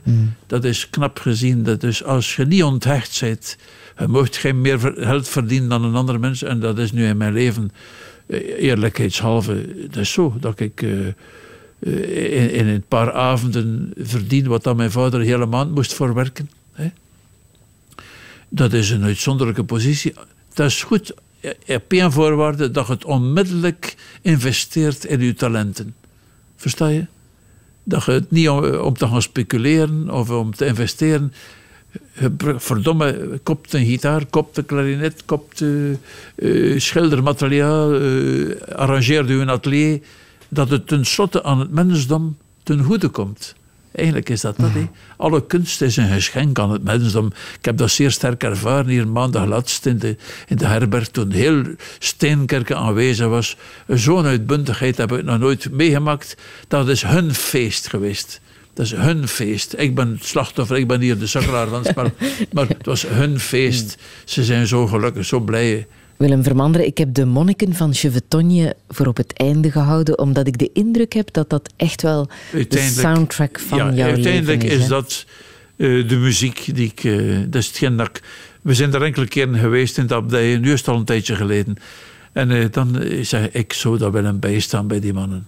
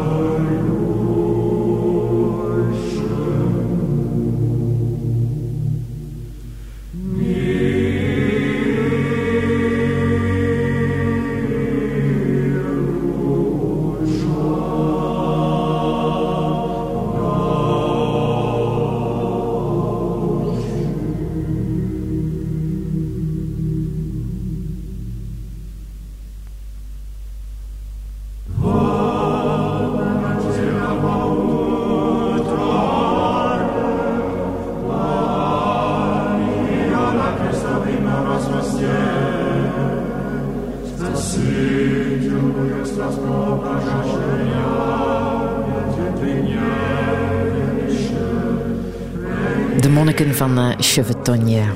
Ik wil jou bedanken, Willem Vermanderen, voor uh, de warme ontvangst hier Biedestoven in uh, je huis in Steenkerken. Geniet nog van je 75ste levensjaar. Touché.